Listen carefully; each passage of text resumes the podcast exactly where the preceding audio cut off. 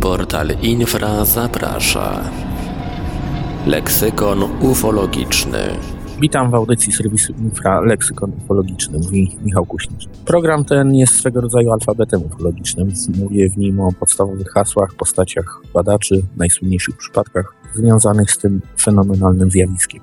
To dziesiąty odcinek leksykonu i zatytułuję go nieco przewrotnie, a więc J. Jak w to nie wierzyć? Wytrawny ufolog powiedziałby, to nie kwestia wiary, lecz faktów. I trudno byłoby nie przyznać mu racji. Powiem, co się dzieje. Od dziesiątków lat, jeśli nie od wieków albo nawet zarania dziejów, coś nam towarzyszy. Nie chodzi jedynie o obserwację dziwacznych nocnych świateł, bo te mogą być tłumaczone wszystkim, ale o obecność, bliskie spotkania z czymś, co możemy nazwać obcą inteligencją, przybierającą nieraz postać jak najbardziej fizyczną. Przykładów nie brakuje. Posłuchajmy relacji świadka z Dolnego Śląska. To była późna jesień 69 roku. Wracali żeśmy z kolegami, z sąsiadem. Sąsiedzi bracia sami byli. Jeszcze jeden z wioski był kolega. Dwóch ich nie żyje. Jest nas pozostało troje. Wracali żeśmy wtedy późnym wieczorem z kina z miasteczka Pieńsk na Dolnym Śląsku. Szli żeśmy na skróty tak zwaną polną drogą, która blisko torowiska się zbliża w pewnym momencie, blisko toru. Idąc polną drogą, byli żeśmy tak po prostu w dyskusji, zaczęli żeśmy dyskutować między sobą. Nagle spojrzałem obok nas na odległość 3-4 metrów. Na lekkim różnica poziomu była do metra niecała ta droga polna według tego pola uprawnego pola obniżała się, taka była troszkę za niżej poziom, więc spojrzeli żeśmy w lewo w kierunku torów, rosło jedno, jedno y, drzewo dębowe. To był młody, młody, młode drzewko. Przy tym drzewku stała bardzo, bardzo dziwna postać. Y, w pierwszym momencie byłem szokowany, jak zobaczyłem. Na, na pewno nie mniej moi koledzy. No, gdy żeśmy na tą postać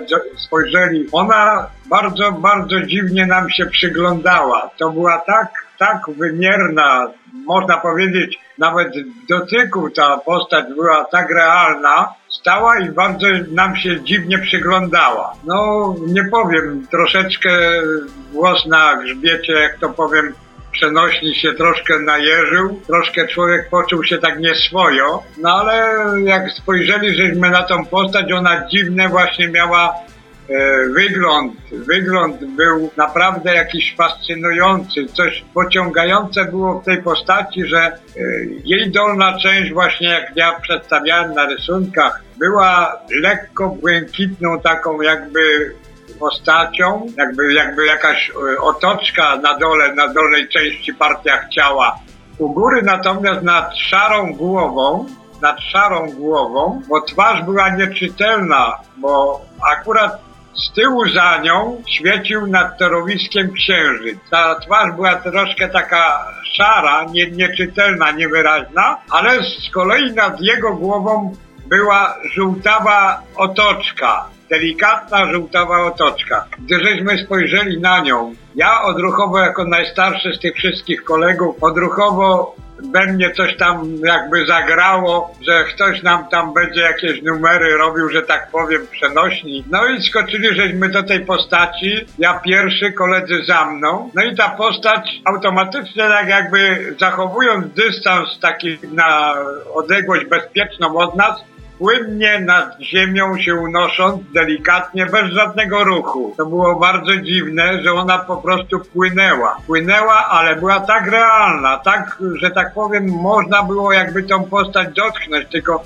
ona nie pozwalała nam się na bliższą odległość zbliżyć, więc my coraz szybciej za tą postacią żeśmy zaczęli biec. No i w tym miejscu, gdzie ja na zdjęciach przedstawiłem, gdzie, gdzie zarośla obecnie są, tam było puste pole do tego małego wiaduktu pod torami. Malutkie krzaczki rosły, takie pojedyncze, które my goniąc tą postać, ta postać omijała te, te krzewy takie małe, odrośnięte, bo to obecnie to są już dość duże drzewka, ale to były takie pojedyncze metrowej wysokości krzaczki. Ta postać tak, z takim ruchem jakimś dla mnie niewytłumaczalnym, niezrozumiałym, te wszystkie przeszkody omijała, nie dotykając ich nawet. Yy, po prostu jakby nazwę to zygzakami poruszała się. My natomiast na skróty biegnąc, no to brali żeśmy te krzaczki, jak, że tak powiem, pod siebie, po, po, pomiędzy nogi, żeśmy lecieli jak najszybciej za nią. Ona się oddalała płynnie w kierunku właśnie tej drogi, która podchodziła y, do wiaduktu kolejowego tego małego. To był obecnie na zdjęciach, on jest już po remoncie, nowoczesny zrobiony wiadukt Kiedyś to był stary, taki łukowy, ładny, yy, że tak powiem, troszkę zabytkowy bardziej. No i gdyśmy do tej postaci się tam już mieli zbliżyć, ona przyspieszyła, przyspieszyła do tego wiaduktu. Yy, dwóch kolegów pobiegło na torowisko, na, na górę, My natomiast we trójkę żeśmy wpadli za tą postacią pod ten wiadukt, wyjęli żeśmy zapałki, podpalali zapałki, patrzyli, nie, nie było nikogo pod tym wiaduktem. Przelecieli żeśmy na drugą stronę torowiska, były odkryte puste pola, bo to była późna jesień, pola były gładziutkie, równe, czy, czyste, widoczne. Na tych polach nic nie było widać, w ogóle nikogo. Jeszcze żeśmy między sobą z tymi na górze kolegami krzycz, krzycząc do siebie, wymienili poglądy, że nie widzieli gdzie i co. Ta postać nam po prostu zginęła z pola widzenia. Dla nas to było niewytłumaczalne, niewytłumaczalne. No, później w dyskusji by, żeśmy rozmawiali o tej postaci, co to mogło być, jak to, jak to, dlaczego dlaczego ta postać była. No, różne padały między nami wymiany poglądy. Y, od y, kosmity, od innej, innej istoty z innego wymiaru czy z innej planety.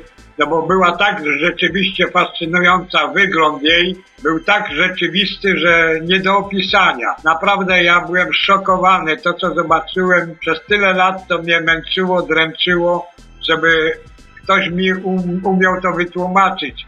Dopiero właśnie teraz w erze internetu i tak dalej. Między innymi miałem okazję poczytać o podobnych przypadkach, to miałem okazję właśnie tu z Państwem się skontaktować i o, opisać ten mój przypadek, jaki miał miejsce.